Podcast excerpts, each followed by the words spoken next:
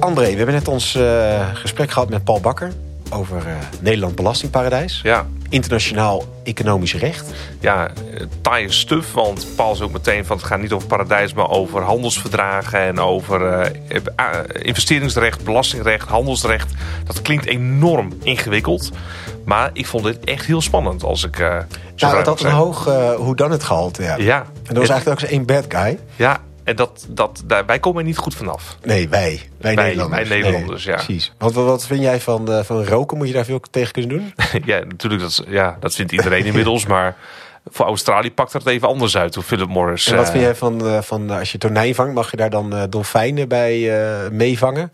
Nee, dat lijkt me niet. Mooie, lieve dieren. Nou, zo lief zijn ze niet te zijn, maar goed. Een fantastisch schepsel. Ja, als, als het aan Dat speelt Nederland ligt, dan... precies. Dan gaan die 6 miljoen dolfijnen die inmiddels eh, slachtoffer zijn geworden van, van bepaalde visvangsten eraan. en wat vind je als er een eh, hele vervuilende mijn is? Die moet je toch kunnen sluiten? Die moet je kunnen sluiten. Ja, Ja, ja, je weet ongeveer wel wat het antwoord gaat precies. worden. Ja. precies. En ook wie daar een factor in was. Ja, precies. Dus een hele gekke soort, ja, hoe dan het podcast. Maar wel met, een hele nuttige vraag eindigen. Namelijk echt de vraag van... Ja, hoe verhoudt recht zich tot, eh, tot moraliteit? Ja. En hoe kunnen we voorkomen hoe- dat, we, dat we zo naar de letter gaan leven, niet naar de geest? Precies, maar en ook hoe, hoe dat wij meesters zijn om die moraliteit te verdoezelen met bepaalde. Ik heb van Paul geleerd dat, dat het vaak niet gesproken wordt over eh belastingontduiking, maar over effectieve fiscale planning. En Ja. zo kunnen we elkaar natuurlijk door een soort zakelijke formulering ook wijsmaken dat er eigenlijk geen moraal bij komt kijken, omdat we gewoon volgens het recht handelen. En er is een, zogenaamde sunset clause. Ja, Klinkt heel mooi. Ja, klinkt fantastisch. Cocktailtje op het strand. Ja, het is gewoon een, een, een strop om de nek van een land. Ja, precies. Ja. Je komt gewoon de komende twintig jaar niet van een verdrag af... hoe graag je er ook uit wil. Ja, Ja, het is een, een, een, een inderdaad op het eerste oog taaie materie die en spannend is ja. en zeer moreel eh, geladen. En eh, ja, waar eigenlijk wel hard iets aan moet gebeuren, maar niemand echt er zicht op heeft. precies. En ik vind ook dat we gewoon de verplichting met elkaar hebben om, om ons hierin te verdiepen. Ja, Want dit gaat ons allemaal aan. ja. Dus eh, luister vooral het eh, gesprek wat we hadden met eh, Paul Bakker. Hij is jurist, gespecialiseerd in internationaal economisch recht. Veel plezier.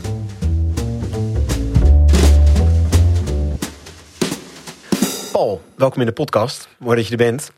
Ehm, de Britse Maagdeneilanden, de Cayman-eilanden, de Bermuda.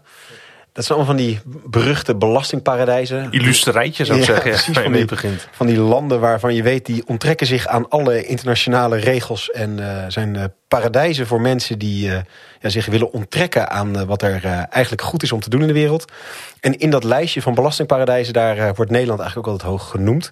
De NGO Tax Justice Network eh, zei dat na die drie die ik net noemde, Nederland het hoog staat.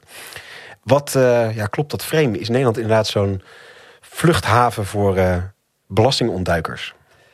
Nou, als je deze vraag vijf jaar geleden zou hebben gevraagd, zou ik hebben gezegd ja, volmondig. Ik moet wel zeggen dat sinds vijf jaar geleden er een hele hoop is, eh, is gedaan. Dus 2019 zeker zijn heel veel maatregelen genomen op, eh, met druk vanuit de Europese Commissie om hierin te veranderen. Desalniettemin zie je nog wel in dat hele economische speelveld, eh, we noemen dat dan economisch recht, dat Nederland wel een ambivalente eh, rol inneemt. En eh, ik denk dat het interessant is om daar verder op in te zoomen. En dat en zit dus ambivalent is vaak al wel zo'n woord van dubieus? Of, of is het oprecht ambivalent in zin van na goede dingen en minder goede dingen? Of is Eh, gewoon slecht? Ja, is ambivalent gewoon een nette manier om te Ja. zeggen slecht? Nee. Ja, ja ik, ik heb daar een bepaalde mening over. En ik denk dat we daar nog beter in kunnen worden. Dat, we, eh, dat hoe het nu is vormgegeven niet het beste is voor de wereld. Maar daar zijn dus wel verschillende visies over. En ik, ik zou het interessant vinden om te kijken naar die verschillende rechtsgebieden van economisch recht. Om te kijken, ehm, nou per rechtsgebied neemt Nederland daar een bepaalde rol in. En soms dat positief, soms dat minder positief. En ehm, vaak is er ook wel wat voor te zeggen. Ook met eh, belastingrecht. Als je daarnaar kijkt, ja, er is ook wat voor te zeggen. Voor de manier hoe het nu gaat. voor de manier hoe het nu is Ja. vormgegeven. Oh, Eh, een belangrijke eh, casus die veel eh, teweeg heeft gebracht in Nou, Nederland. misschien is, één is stap da- daarvoor nog, want je zegt dat is internationaal economisch recht gaat er dan eigenlijk over. En, en wat valt daar allemaal onder? Dus dat, de belastingrecht is dat een ding? Dus je hebt belastingrecht, je hebt investeringsrecht en je hebt handelsrecht. Nou, ik zal zo even illustreren wat, wat, wat daaronder te verstaan is. Ehm, bij dat belastingrecht is het sowieso eh, nou, is een belangrijke casus waardoor veel is gaan ver- verschuiven. Eh, de casus met Starbucks. Het was daar op een gegeven moment zo, ehm, misschien even om het ook levendig te maken. Belastingen. Starbucks kennen we het is allemaal, niet, eh, ja. niet het meest sexy onderwerp vaak. Eh, het was daar namelijk zo dat Starbucks bijna geen belasting betaalde. Op een gegeven moment is een mooi fragment nog van een, van een rechtszaal in het Verenigd Koninkrijk. Waar de rechter zegt: Starbucks, ik heb zo met jullie te doen. Jullie hebben hier zoveel vestigingen. En jullie hebben nog nooit winst gemaakt. Dat moet wel ongelooflijk lastig voor jullie zijn. Jullie willen een bedrijf opbouwen en nog nooit winst gemaakt. Nou, hoe kwam dat? Omdat ze allemaal royalties naar een Nederlandse firma betaalden. Waardoor ze in Groot-Brittannië geen winstbelasting betaalden. Omdat ze geen winst maakten. Omdat ze zoveel royalties aan hun eigen onderneming betaalden. Ja, dus dat betekent precies. voor elke frappuccino die jij kocht... ging er een bepaald bedrag aan royalties... naar een Nederlandse dochterholding. En die loyalties waren zo hoog dat er eigenlijk van winst geen sprake meer was. Precies, precies ja. Als je per kopje koffie, wat is het, een, een Starbucks koffie 4, 5 euro. Als dan 3 euro aan royalties naar een Nederlands bedrijf gaat. Ja. Ja. dan maak je op een gegeven moment zoveel verlies. Want voor elk kopje koffie vloeit, wat is het, meer dan 50% af naar het buitenland. Ja, dat is heel prettig voor je winstbelasting. En hoe komen ze bij een royalty? Want ik kan me daar bij een boek iets bij voorstellen. Eh, dus dat, dat je, de, de schrijver ontvangt royalties. Maar ik kan me daar bij een pumpkin spice latte toch iets minder bij voorstellen. Nou, je zegt het al, pumpkin spice latte. Als je dat uitspreekt, iedereen weet, daarvoor moet ik bij Starbucks, Starbucks zijn. zijn, ja. Dat, dat betekent dat het een merknaam is. Dus royalties heb je op muziek inderdaad, maar je hebt het ook op merknamen.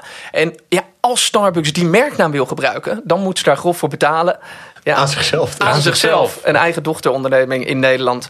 Maar en wat dan- hebben ze daar aan? Want dan maken ze dus geld van Engeland naar Nederland over, even in dit geval. Ja, en in Nederland betaal je heel weinig belasting op royalties. Eh, dus je krijgt heel veel inkomsten van royalties binnen, zonder eh, al te veel belasting Ja, dus mensen betalen. betalen eigenlijk het grootste gedeelte niet voor het product pumpkin spice latte, maar voor het merk pumpkin spice latte. Precies. Terwijl je dus daar in Engeland, eh, de Engelse ondernemer betaalt daar royalties over. En in Nederland ontvangt die royalties, maar hoeft er geen belasting over te betalen. Precies. Nou, nu is er wel een Ja, en uitspraak. dat is natuurlijk een, een schijnconstructie, want je betaalt voor de ingrediënten. Maar ja, Starbucks vreemdt het zo van ja, het grootste Ja. gedeelte wat je koopt is Precies, merk. precies. Ja. Ja. en Starbucks, daar zit natuurlijk ook weer een batterij juristen achter die deze geniale constructies uitdenken. Ja. Ehm, maar de commissie heeft gezegd: Nederland, jullie hebben dus een ruling op die royalties. Dat betekent dat de Belastingdienst in gesprek gaat met Starbucks. Nou, kunnen we eh, welk belastingtarief gaan jullie betalen? Nou, dat. eh, de commissie vond dat toch iets te ver en daar hebben ze gelijk in gekregen, waardoor Starbucks alsnog belasting En de commissie is de Europese Commissie. De Europese Commissie. Ja. maar dat past in het grotere plaatje van economische betrekkingen. eh, investeringsrecht, handelsrecht, belastingrecht. En ik denk dat het interessant is om op die hele categorie in te zoomen... omdat Nederland eigenlijk actief is in al die verschillende sectoren. Als je bijvoorbeeld kijkt naar het investeringsrecht... eh, zijn jullie daar iets, iets bekend mee? Nee, ik ben Nee. volledig leek. Nee. Ja. Ja? Ja. Hebben jullie gehoord van die eh, eh, Energy Charter Treaty? Nederland is daar uitgestapt een tijdje Ja, geleden. ja. In navolging tot, eh, van Italië, Spanje, die er al eerder zijn uitgestapt. En eh, dat wat- en wat- ja, wat behelst het? Dat ga je volgens mij net zeggen. ja, ja. nou waarom dat nu nog relevant is? Je denkt, we zijn er uitgestapt. Er zit daar een sunset-clausule in. Dat betekent dat we de komende 15... Nee, bij de eh, ECT is het zelfs zo dat we de komende 20 jaar... nog onder dat contract vallen. Want de sunset... Het, het verwijst naar de sunset. Je ziet nog de stralen van de zon ja, van ja, het contract. Oh ja. Voor 20 jaar. Dus, daar, eh, dus de, werking loopt nog Ja. 20 Poëtisch, eh, jaar door. ja. Ja.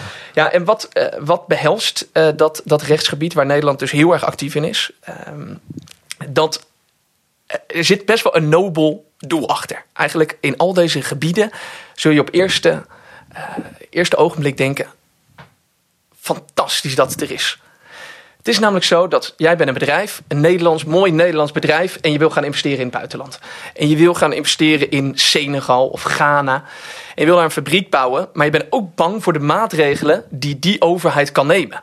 Ja, misschien maak je wel een grote investering en na vijf jaar denk je dan, ze- denkt de overheid, nou we gaan ehm, regelgeving veranderen waardoor je investering helemaal niks meer oplevert. Precies, of het bedrijf mag niet meer. Of, Precies. eh, Of in extreem geval een of andere koep. En, Precies. eh, Ja. eh, ze nationaliseren alles. Precies. Eh, dus dat noem je het commitment problem. Jij committeert je eigenlijk aan een land, want je doet daar een investering. En dat is voor een lange termijn. En je Ja. weet niet wat er gaat gebeuren. Nee. Daar wil je jezelf voor indekken. En Nederland heeft gezegd: wij willen daarin bijdragen. Want wij vinden het mooi als Nederlandse bedrijven in het buitenland gaan investeren. Dan maakt Nederland met dat land een investeringsverdrag. Dat land kan dat presenteren als nou, de, de overheid daar. Wij, wij gaan investeringen aantrekken voor ons land. Wij halen buitenlandse investeerders aan ons. Precies. Precies, dus vaak is er dan een mooie ceremonie. Nou, we tekenen een investeringscontract met Nederland. Uh, in die grote contracten, als je bijvoorbeeld kijkt naar TTIP, zit dat erin verwerkt. Uh, TTIP is dat handelsinvesteringsverdrag tussen de Verenigde Staten en Europa. Maar vaak zijn die investeringsverdragen bilateraal. Dus Nederland maakt met een andere staat een investeringsverdrag. Nou, ja. Dat is bijna altijd op basis van onze Model Bilateral Investment Treaty. Dat is ons ja. model, gebruiken we daarvoor. We gaan dan naar Senegal of Ghana zeggen. Wij hebben hier een mooi mo model. Willen jullie er nog wat mee? En dan gaan we het uitvoeren. Um, en hoe, hoeveel soort uh, verdragen zijn er? Bilateraal, dat, weet ik veel, hoeveel landen zijn in de wereld? 100 zo, uh, 92 zoiets, weet ik veel. 192 verdragen? Of? Nou, we hebben niet met alle landen een, een bid. Veel landen hebben trouwens nu ook met Nederland uh, een bid opgezegd. Het BID staat dus voor Bilateral Investment Treaty. En met sommige hebben we multilaterale oh ja. verdragen. Dus dat, nou, dat is weer. Dan zit je met heel ja, veel landen als Canada, in één. Staten, precies, ja. precies. En op zich is dat mooi, want jullie denken ook, tenminste, ik dacht, dit is geweldig. Ja, en ik denk nog steeds land wel. ontvangt investeerders. Precies. Wij exporteren. En het is oneerlijk wat die landen doen, want ze willen.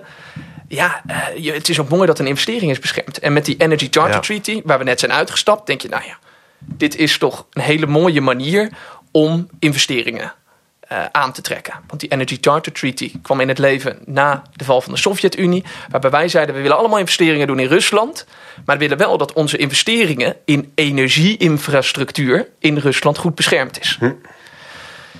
Ja, de realiteit is dat het veelal gebruikt wordt op dit moment door fossiele bedrijven... die dan gaan procederen tegen de staat als er milieumaatregelen worden genomen. Want, Nederlandse bedrijven ook? Uh, Nederlandse bedrijven in het buitenland. In het buitenland. Je mag niet tegen je eigen host state mag je procederen. Uh, maar daar kom ik zo nog op, want dat is wel een, uh, wel een interessante. Um, maar dat er maatregelen uh, worden genomen op het gebied van klimaat. En heeft iemand net, heeft een bedrijf net een kolencentrale neergezet. Ja, ja en dan. Gedorven inkomsten. Dit zijn gedorven ja, inkomsten. En dat willen we terugzien van de overheid. Ja. Ja, um, dus wat uh, goede bescherming van de status quo is, is dus ook een slechte bescherming van de status quo. Want die gaat dus ook inderdaad ja, beschermen wat er nu is. Dus transities worden ook Precies. Onmogelijk. En je trekt eigenlijk een stukje moraliteit weg bij het bedrijf. Want per definitie is het goed wat zij doen. Want investeren is goed. Ja, en dat wordt per definitie beschermd. En dat wordt per definitie beschermd. Wat de consequenties daar ook van zijn. Want eigenlijk zijn de consequenties van zo'n investering in fossiele infrastructuur voor de volksgezondheid, de grotere uh, health consequenties, gezondheidsconsequenties, zijn groot, groter soms dan die economische uh, consequentie, die, ja. die positieve. Een bedrijf kan immorele activiteiten ontplooien, zeg maar. En wordt er toch in beschermd, Precies. omdat het nou eenmaal een investering is. Ja.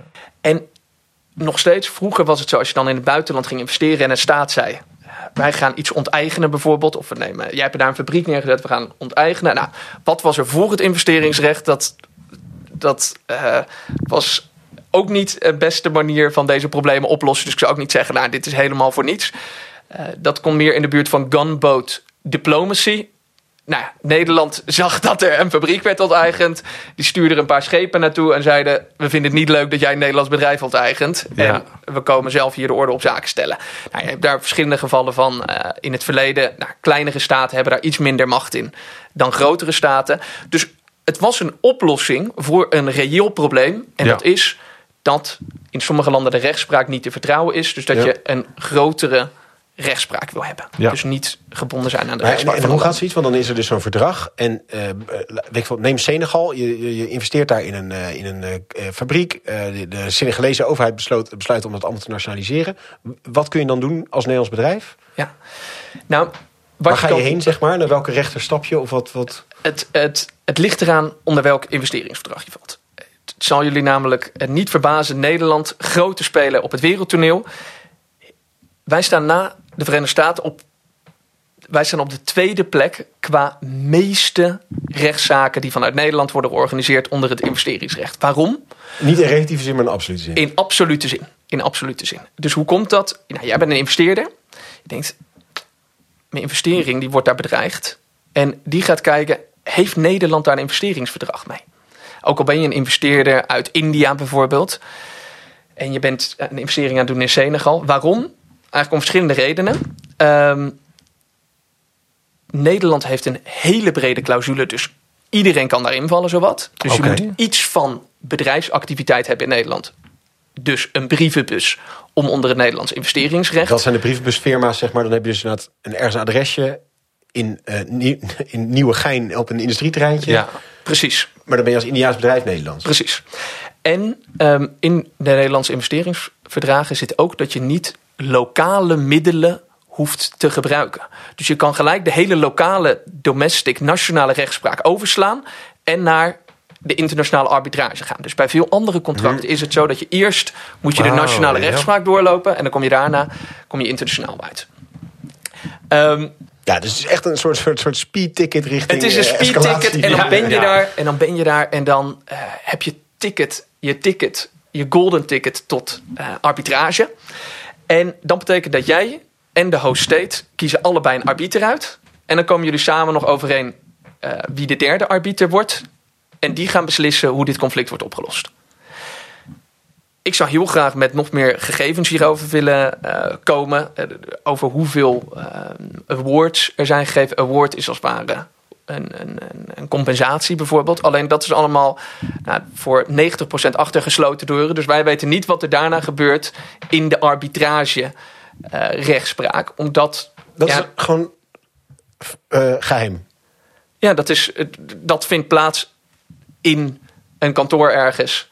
En eh de awards, ja, als een partij beslist dit, dat award willen we niet openbaar maken, dan, dan gebeurt dat. En, en dat is dan bijvoorbeeld, om even bij het voor- voorbeeld van Senegal te blijven, dat Senegal een bedrijf moet compenseren. Ja. Het land Senegal En, moet. een, een casus, misschien om het wat levendiger te maken. Je hebt een casus eh, Philip Morris. Ja, de tegen, sigarettenfabriek. eh, precies, tegen Australië. Bedrijf aan de goede kant van de lijn. Precies, ja. zeker. Die investering moeten beschermen. Dus eh, Australië stelde, nou, we moeten die sigarettenpakjes, die zien er zo mooi uit, wat we in Nederland hier ook hebben gedaan. Eh, ze hadden al 30% van het sigarettenpakje zwart gemaakt met een foto erop, weet je wel, van dit is niet best. En ze wilden dat naar 70% doen, dat je alleen bovenin nog het merk van Ja. het sigarettenmerk was, om het iets minder verleidelijk te maken. Wat zei Philip Morris? Ja, wij hebben een investering gedaan.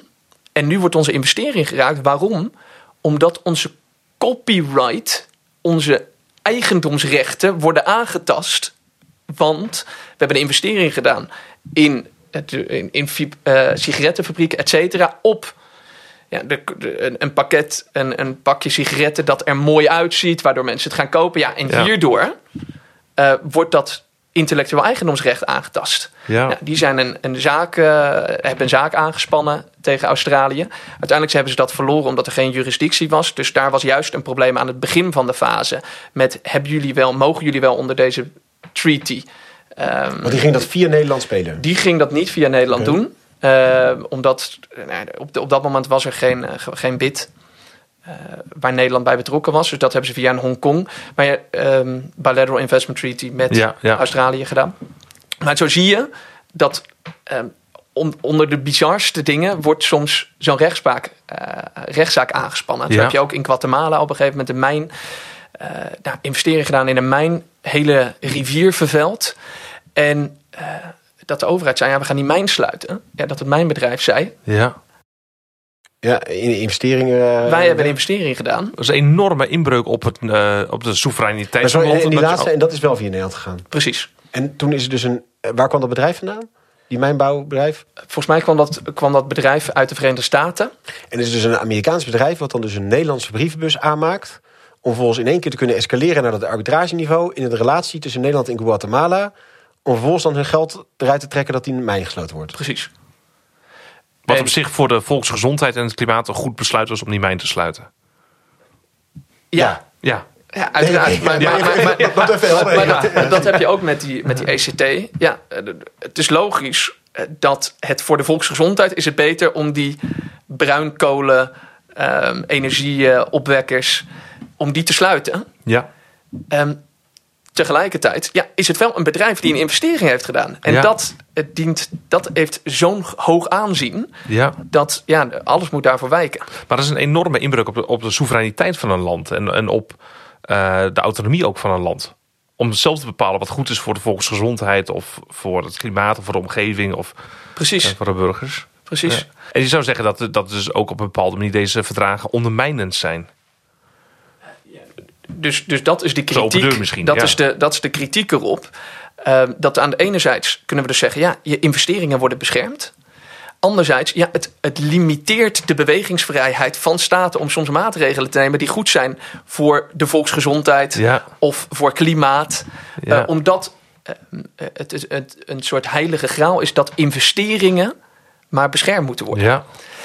En, en, en wa- hoe worden zulke soort verdragen worden die eh, in, in parlementen afgestemd? Of, of eh, hè, is er een democratische controle op? Of worden die ook op een ander niveau ergens afgesloten waar er geen parlementaire controle Ik heb op er nooit is? één gezien als burger. Dat, dat is Ja, een geval- indicatie. Ja, ik ben hier totaal niet mee bezig. Nee, zeggen. precies. Nee, dus, dus als het goed is, worden die gewoon. eh, ja, als er, een, als er een verdrag wordt gesloten. Het, is een, het zit in het verdragenrecht.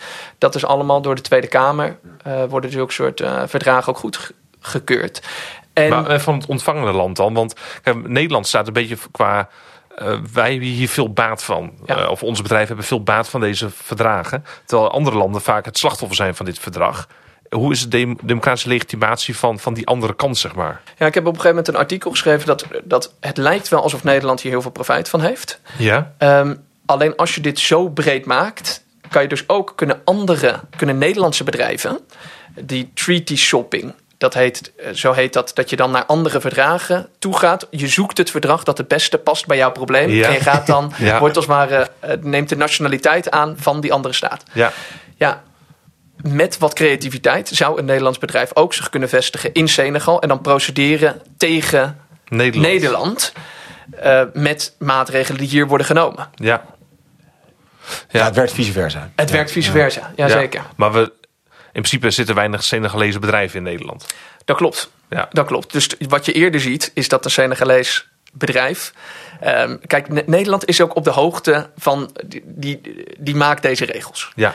Eh, Dus als wij maatregelen nemen, dat zie je ook met de, de energie, ehm, met de energietransitie. We zeggen die, ehm, hoe heet dat? Die fabrieken die niet die fossiele brandstof-energieverwekkers, eh, die gaan we compenseren. Ja. Ehm, dus Rob Jetten zei toen, toen, die, toen die fabrieken weer open gingen, nu vanwege de crisis, de energiecrisis, hebben we die weer opengezet.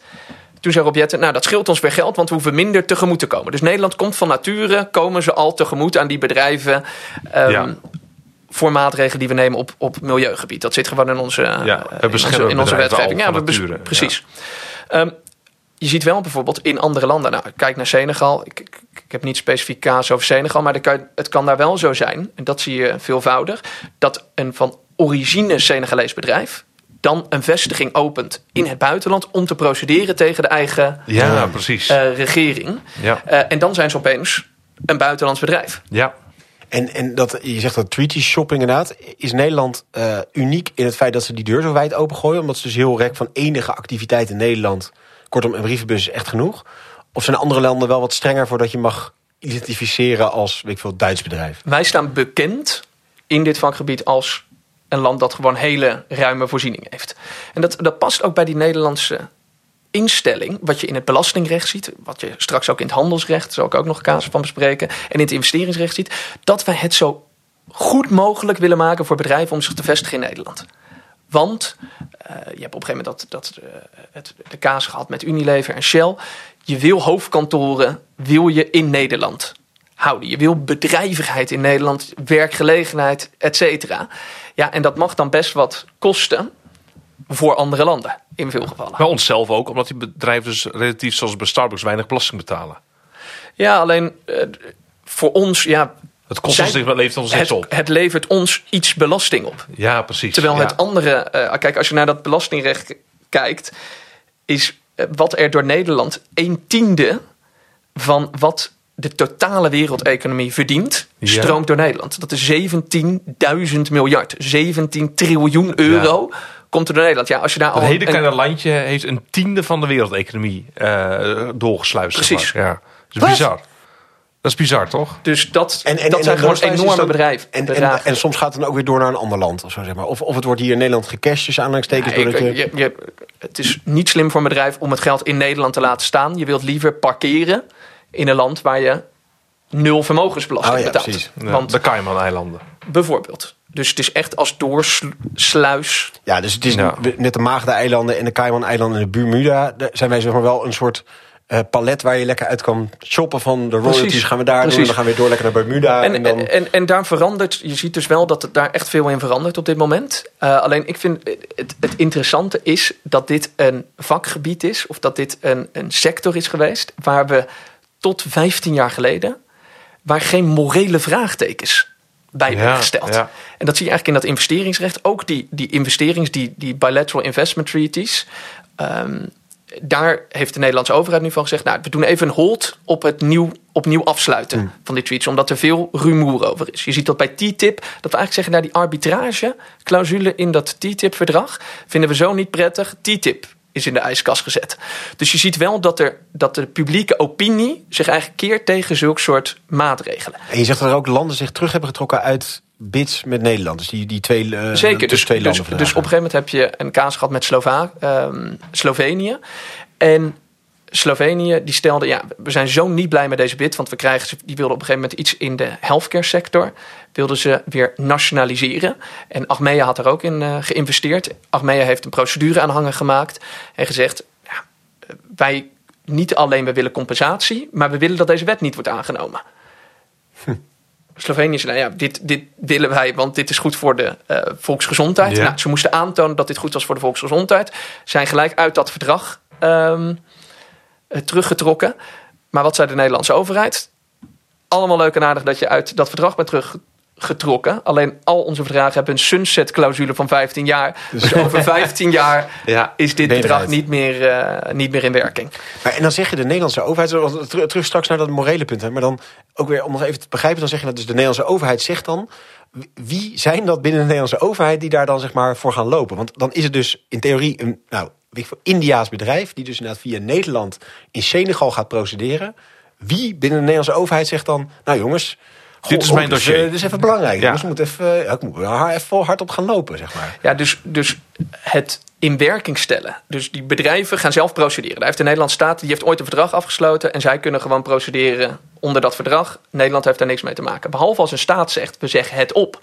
Ja, Ja, dan zegt Nederland, ho ho. Ja. wacht even, we hebben een verdrag. En daar zit een clausule in. Ja, dus de Nederlandse Ja. staat heeft niet bemoeienis met als het eh, gewoon een Precies. procedure, maar wel met het, ja, dat speelveld in stand houden. zeg. De Precies. treaty en het Precies. verdrag. Ja. Precies. Ja. En eh, dus dit, dit is dat investeringsrecht. Ik zei net al iets over het belastingrecht. En dan heb je als laatste categorie heb je nog het handelsrecht. Wat ik een fascinerende categorie vind. Onder Trump is die categorie helemaal afgebroken. Want ehm, de hoogste instantie daar, wat, wat, waar ik net sprak over arbitragerecht, was binnen het handelsrecht de appellate body. Die deed de rechtszaken in het handelsrecht. eh, onder de World Trade Van die Organization. schimmige instituties waar je nooit van hoort. En toch? eh, Ja. Trump heeft daarvan gezegd... allemaal leuk en aardig, eh, maar die procedures duren zo lang. Wij stellen gewoon geen nieuwe rechter aan. Dus die ligt nu op zijn gat en eh, de- eigenlijk bestaat dat niet meer. Maar ik, ik heb nog wel een interessante casus, ook over die tijdsgeest. Als we na zitten denken over de tijdsgeest met Nederland. En hoeveel, de tijd is van hoeveel, hoe lang geleden? Dit is eh, eind jaren negentig Ja, begon precies. deze eh, casus. Eh, en ik vind het fascinerend, eh, omdat dit, dit toont iets van die, die ambivalentie van Nederland met... ja, er zijn regels. Ja, we hebben die regels met elkaar afgesproken. En daarna niet meer kijken naar de moraliteit... als ware de geest achter de wet. Ja. Het was daar namelijk op een gegeven moment eh, het geval... dat je eh, bij het vangen van tonijn... eh, heel veel dolfijnen om het leven kwamen.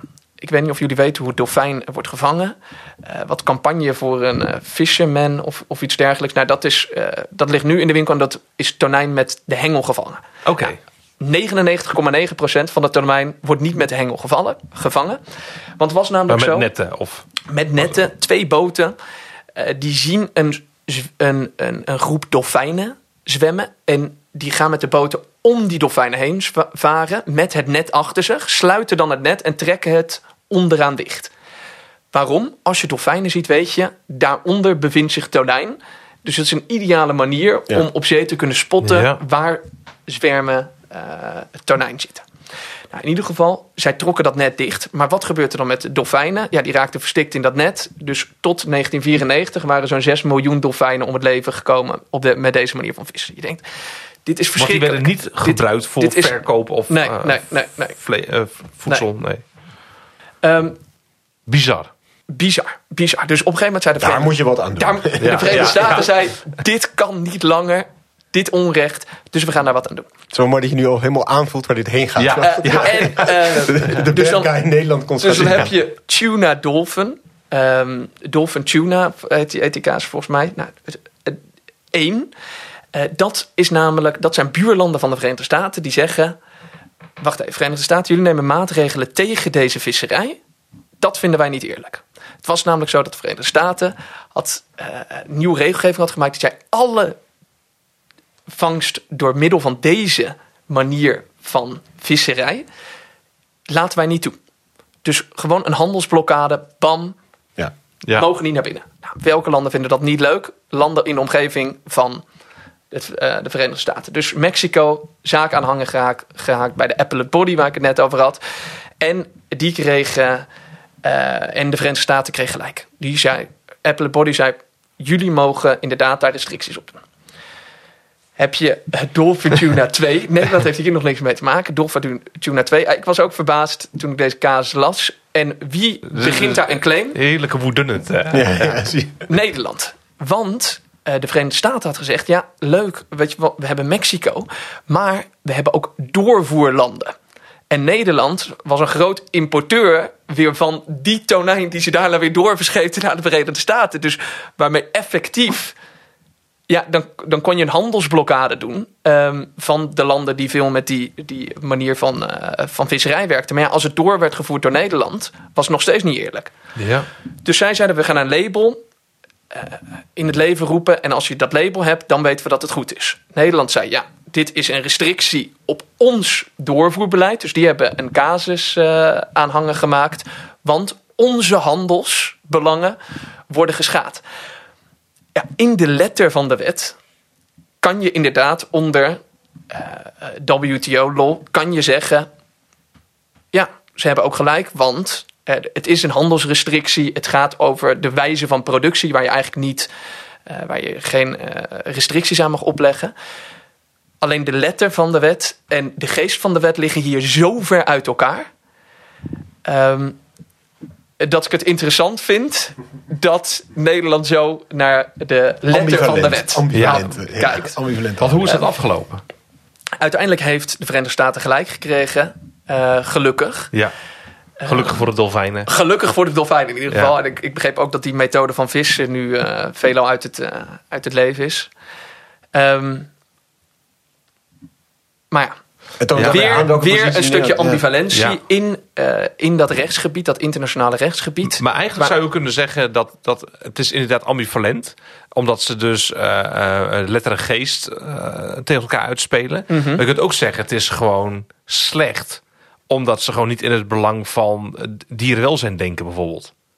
Je, had als Nederland ook kunnen zeggen van... oké, naar de letter van de wet hebben we hier recht op. Maar wij vinden het, het, eh, de goede visserij en, het, en de instandhouding van het dolfijnensoort zo belangrijk... dat wij zeggen van wij gunnen Amerika dit. En wij, wij gaan zelf ook op, op zoek naar beter geproduceerd precies, vis. eh, precies. Dus je had zelf ook kunnen zeggen, ja. wij gaan hier wat...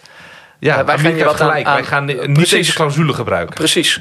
Maar ik denk wel dat er daar dus iets... eh, Ik moet wel zeggen dat de afgelopen tien jaar dus veel is veranderd... Precies, en qua mindset. in de mindset in ieder geval van Nederland. Ik heb wel. eh, ik heb eerder een, een verhaal gehoord. Dat was van, ehm, van een journalist in Rusland. Dat in, in dit Oekraïne, in het Oekraïne-conflict nu.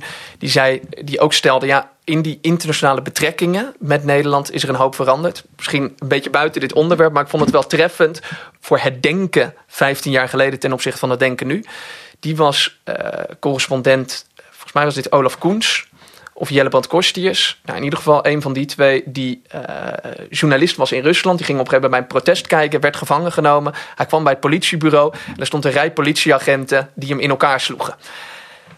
En daar werd hij even gevangen gezet. Nou, nu, ik zou denken, outrage, bizar dat dit gebeurt. Hij, eh, hij kreeg een belletje van de Nederlandse ambassadeur in Moskou.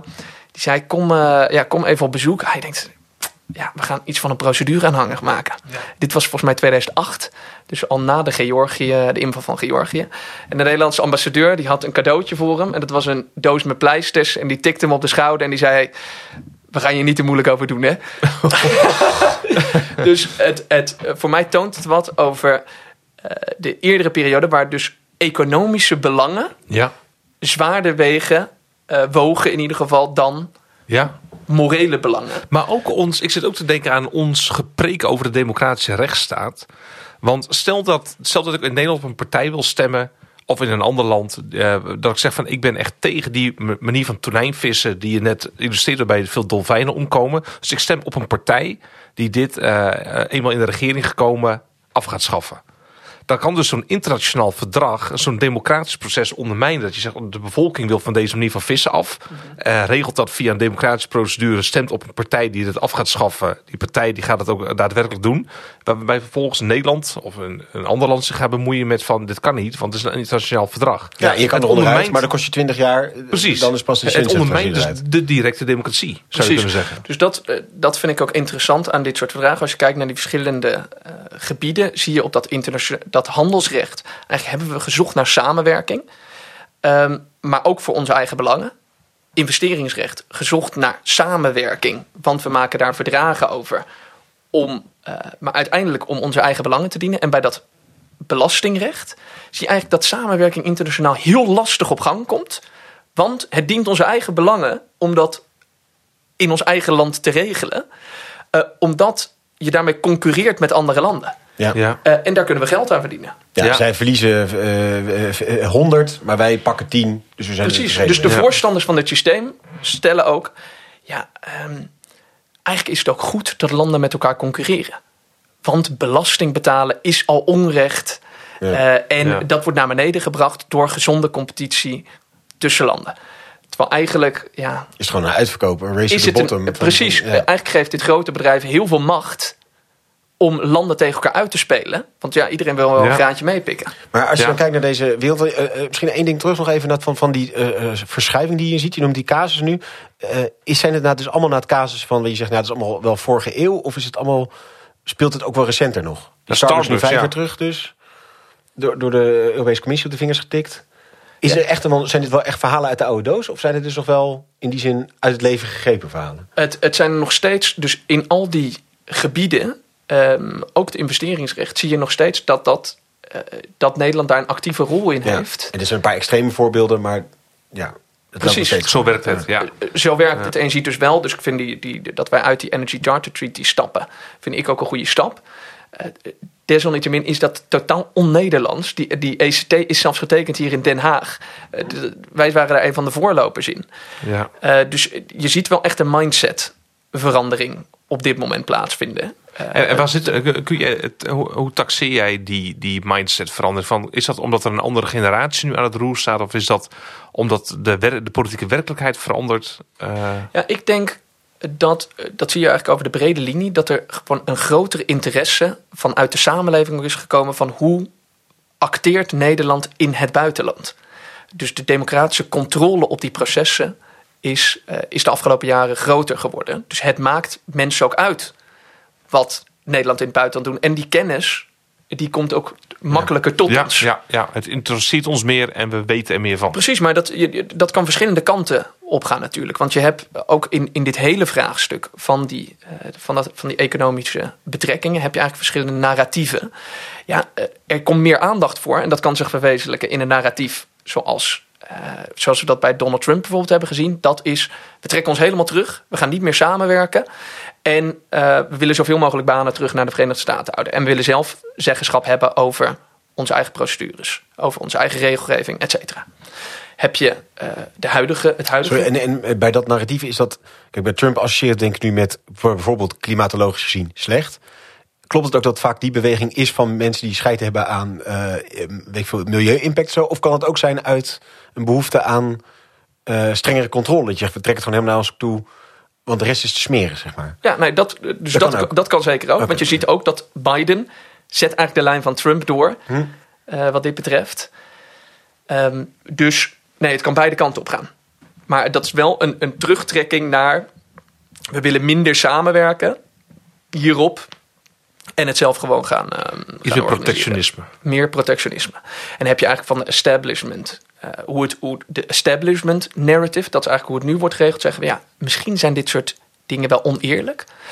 Alleen binnen landen kunnen hebben overheden, dus domestic uh, overheden, dus, dus uh, de overheden van, van diverse landen hebben gewoon zelf zeggenschap over hoe ze dit weer gaan rechttrekken op sociaal gebied en milieugebied in eigen land.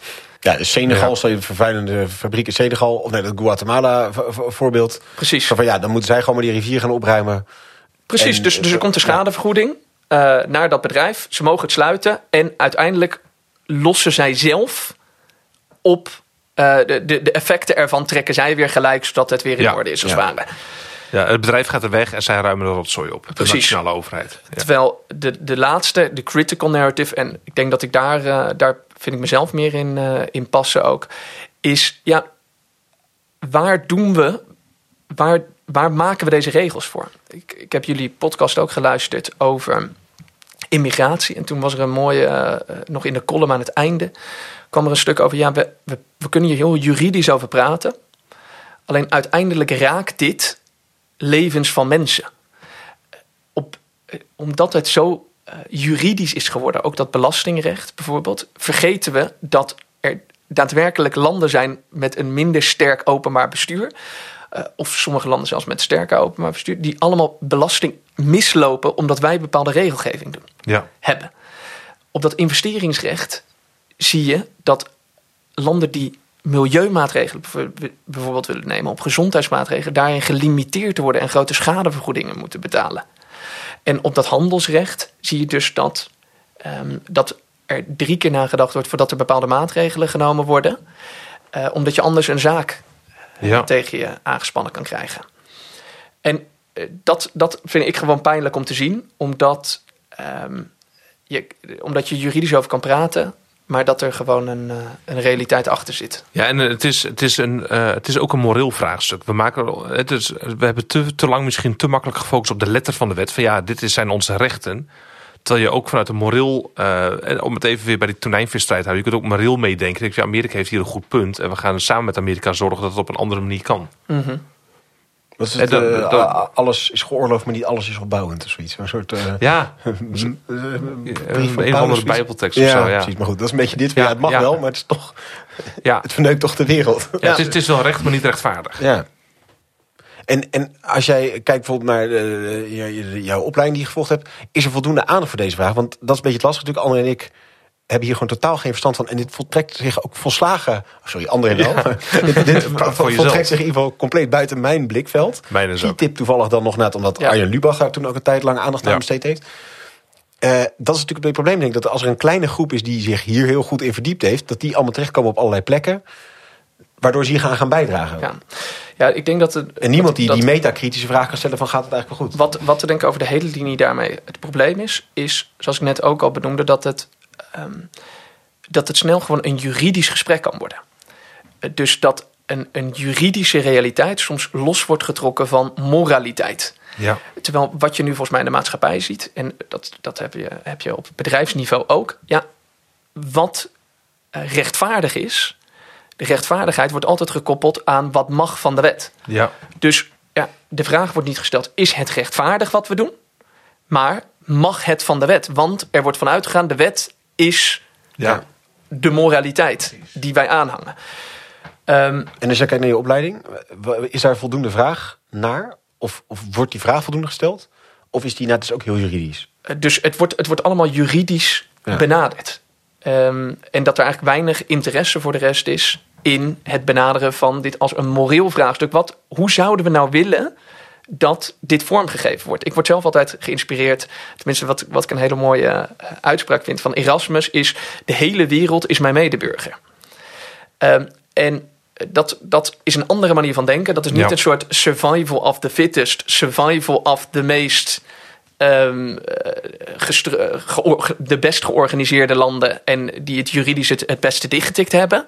En die goede belastingconstructies kunnen verzinnen. Maar, oké, okay, hoe zorgen we er nou voor dat als je landen echt wil helpen in ontwikkeling, hoe zorg je ervoor dat je een eerlijk systeem, internationaal systeem op poten zet, Precies. waar waar zij ook instrumenten hebben om maatregelen te nemen die goed zijn in hun eigen belang.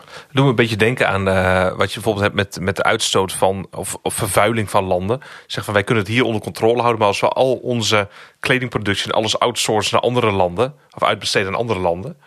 Uh, dan doen we alsnog mee met die enorme footprint. Al, maar ja. we zeggen, ja, naar de letter van de wet houden wij ons, ons ja. aan onze CO2 uh, uitstoot, zeg maar. Maar ja, we importeren alle, alles wat op een andere manier vervuild uh, ja. geproduceerd wordt, zeg maar. Ja, schrijft op iemand anders bordje. Ja, precies. Ja. En, en, en, en, wie zijn de, want ik moet nu denken nog van, waar zitten, zijn dit de Zuidaskantoren, zeg maar, om het even zo uh, makkelijk te zeggen, die aan deze procedures ook allemaal vormen? Of waar zitten deze juristen? Dus uh, nou, in het investeringsrecht zijn dat Zuidaskantoren. Ja, precies. Ja, dat zijn gewoon grote kantoren. Ja, die zijn ook allemaal super slim in bedenken naar waar je dus dan heen moet om te shoppen. Precies. Daar gaat allemaal slimheid en kennis in zitten. Dit is natuurlijk een beetje het gesprek met Sander Schimmelpennik. Maar ja. die zijn dus allemaal super slimme mensen die dus daar dan gaan zitten om te zorgen dat je naar de Senegalese overheid gaat naaien, zeg maar. Precies dat. Maar die zullen, ja, dus, dus de andere kant, daarom zei ik ambivalent. Ja. Die zullen zeggen, ja. Zo zijn de afspraken. Dit zijn de afspraken. en gewoon, uh, en ja. um, um, economische belangen.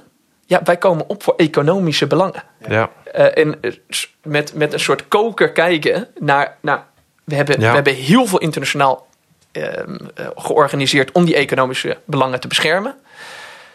Ja, waren we maar zo happig met ook klimatologisch uh, of, Ja. of klimaatduurzaamheidsbelangen ja, en te beschermen. rechtvaardigheid. Precies. Hè, dat, dat, dat, dat stuk, daar refereerde ook met Sander aan van Rutger Brechtman. Van de morele lat mag wel iets hoger voor ons. Ja. Dus je kunt zeggen, ja, ik ben slim en ik kan heel makkelijk over recht nadenken. Ja. Dus ik ga lekker op een Zuidas kantoor werken. Maar je kunt ook zeggen van ik kan dat op een andere manier invullen door mezelf ook morele vragen te stellen. Ja. Als dan- politicus moet je die altijd beantwoorden. Ja. Dus als je zegt ik ben politicus, heb je altijd kritische vragen. Als je zegt ik ben advocaat, Oh, ja, precies, dan stopt het gesprek. Ja, Terwijl ja, je ja. dan juist een moreel gesprek Oh, kunt voeren. Ja. Senegal, leuk. Ben je Ja. wel eens geweest? Oh, Ja. ja, precies. Ja, dus, dus ik geloof in dat eh, internationaal samenwerken.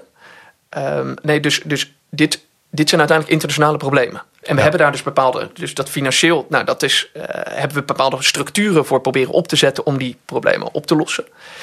Eh, en volgens mij zijn er dus twee kanten om op te gaan bij het aanpakken van de internationale problemen. Dat is of moreel leiderschap. Je zegt, ja, ehm, de samenwerking is er nog niet. Maar wij gaan hier alvast een stapje naar voren doen. Ja. Want we hopen dat andere mensen gaan volgen. En we beginnen dus met solidariteit in plaats van met samenwerken. Precies. Eerste stap is hopelijk samenwerken. Je zegt, we gaan gewoon met z'n allen samenwerken om deze problemen aan te pakken. Ik vind het bijzonder dat ehm, Nederland eh, dus vaak niet de rol dus, eh, inneemt van een van die beiden. Ja. Eh, dus het samenwerken wel op die economische vlakken en daar veel procedures voor in het leven roept. ja. Ehm, terwijl juist in, in dat belastingrecht dat nog meer nodig zou moeten zijn. Want eigenlijk zouden we gewoon binnen de Europese Unie moeten kijken. Ja, als je je zaken wil doen, moet je gewoon goed Ja. belasting betalen. En moeten we niet een, ehm, een soort vergieter in hebben. Die, Ja. Waardoor allemaal belasting uit de Europese Unie eh, Precies. Maar goed, dat lijkt me wel een, een, een eh, belastingrecht Europees eh, centraal regelen lijkt me een, een vrij grote te nemen horde, of niet? Uit Die horde moeten we nemen. Ja. Ehm, maar is die, is die vrij eh, eh, kansrijk dat we die op korte termijn gaan nemen? Of is dat... Nou ja, ik zie het nu nog niet gebeuren. Ehm, dus hopelijk gaan we die horde nemen. Eh, Maar tot die tijd zou ik kiezen voor moreel leiderschap. Ja, Ja. dan niet via ons, punt. Precies. En dat eh, op het moment dat je kiest voor geen van beide, of dat samenwerken geen optie is, en je kiest dan voor, nou, we doen dan maar niks, en we zijn eigenlijk het slechtste kindje van de klas eh, Ja. eh, wat dat betreft.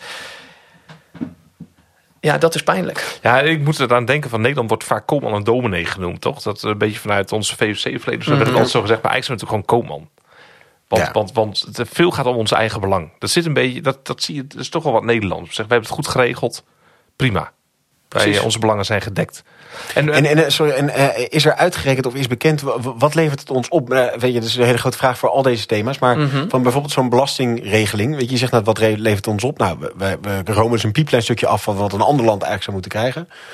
Is er een soort goede eh, eh, kosten-batenanalyse gemaakt van ja, het kost ons dit, weet je wel? Ja. Dus het, voor, voor moreel leiderschap, het kost ons dit. En dan zeggen we ja, gewoon dit geld hoeven we niet meer te hebben. Ja, dat is Pecunia non OLED, dit geld stinkt wel. Ja, precies. Ja. Nou ja, dat is natuurlijk heel lastig inzichtelijk te maken, omdat het niet alleen over financiën gaat. Het gaat ook over werkgelegenheid. Dat, Ja.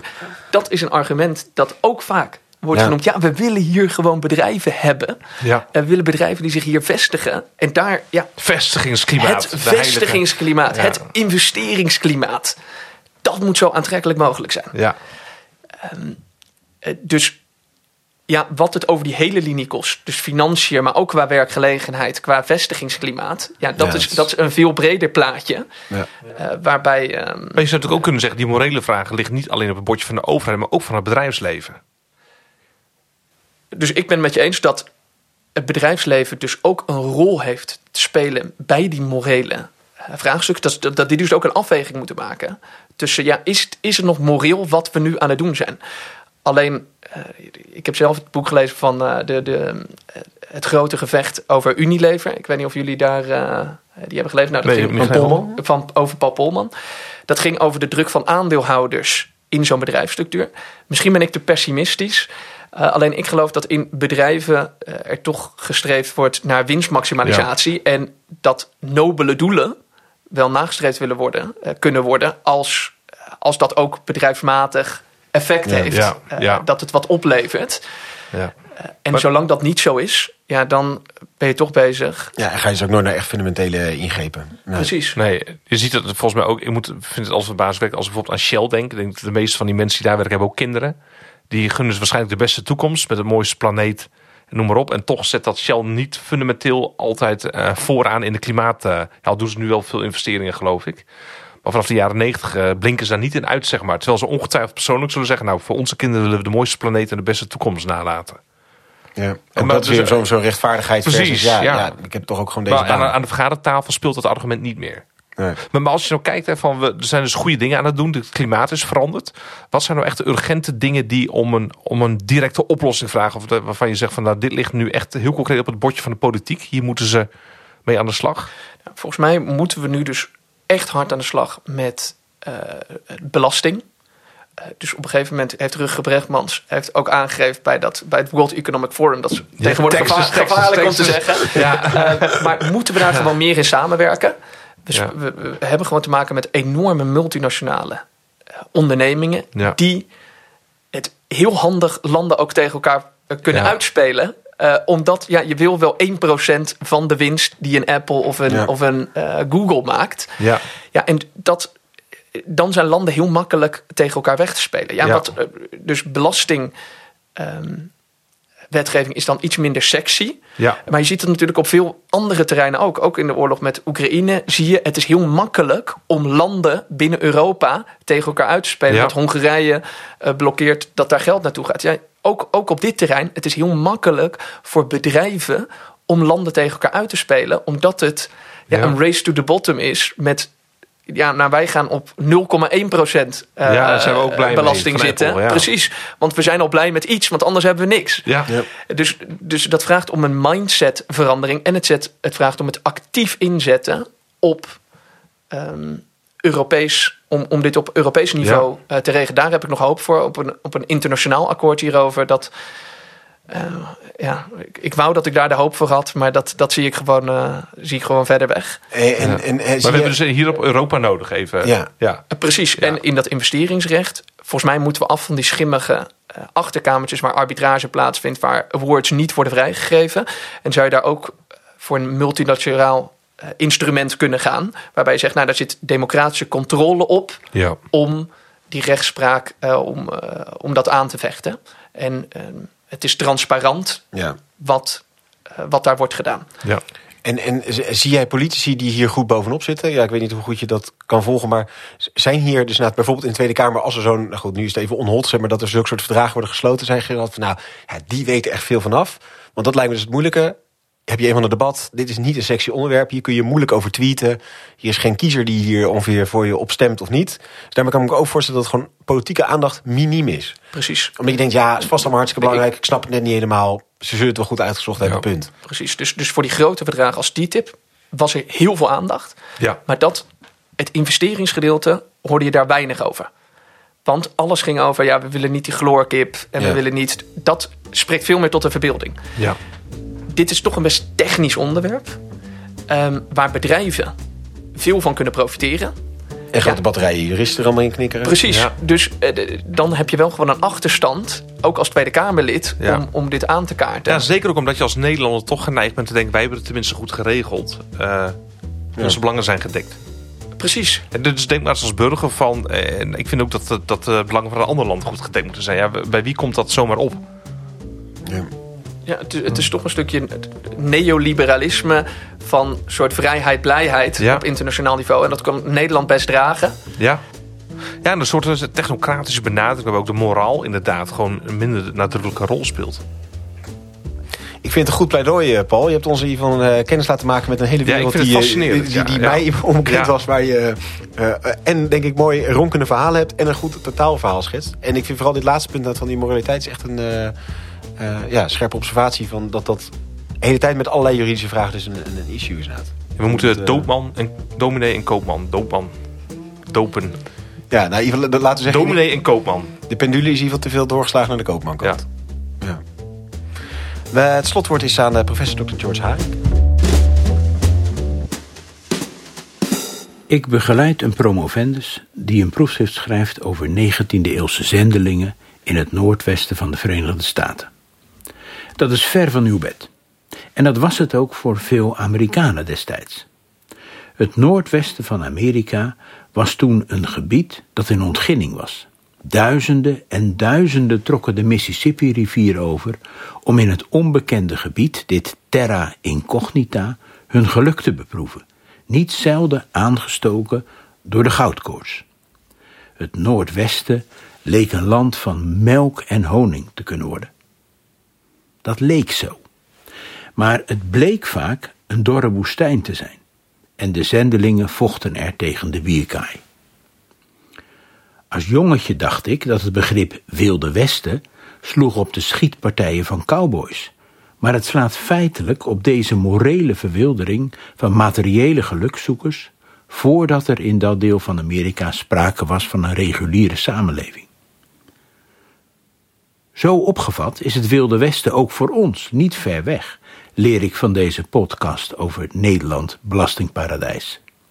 Het Wilde Westen bevindt zich op de Zuidas, midden in onze samenleving. Daar, op die Zuidas, werken juristen ten dienste van winstmaximalisatie van bedrijven ten koste van alles. Het gaat om goud, niet om moraal.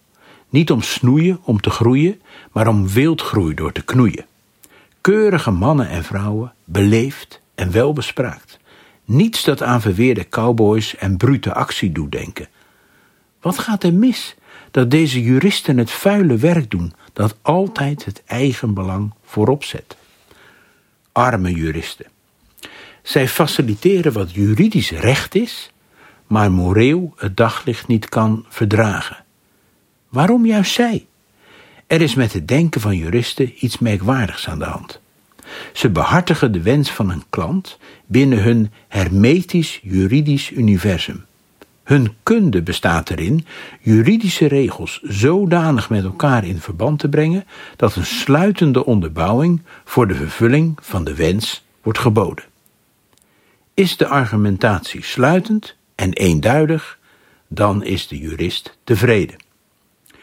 Hun juridisch fundament staat echter geheel los van de moraal, los van de vraag naar het gehalte van de wens.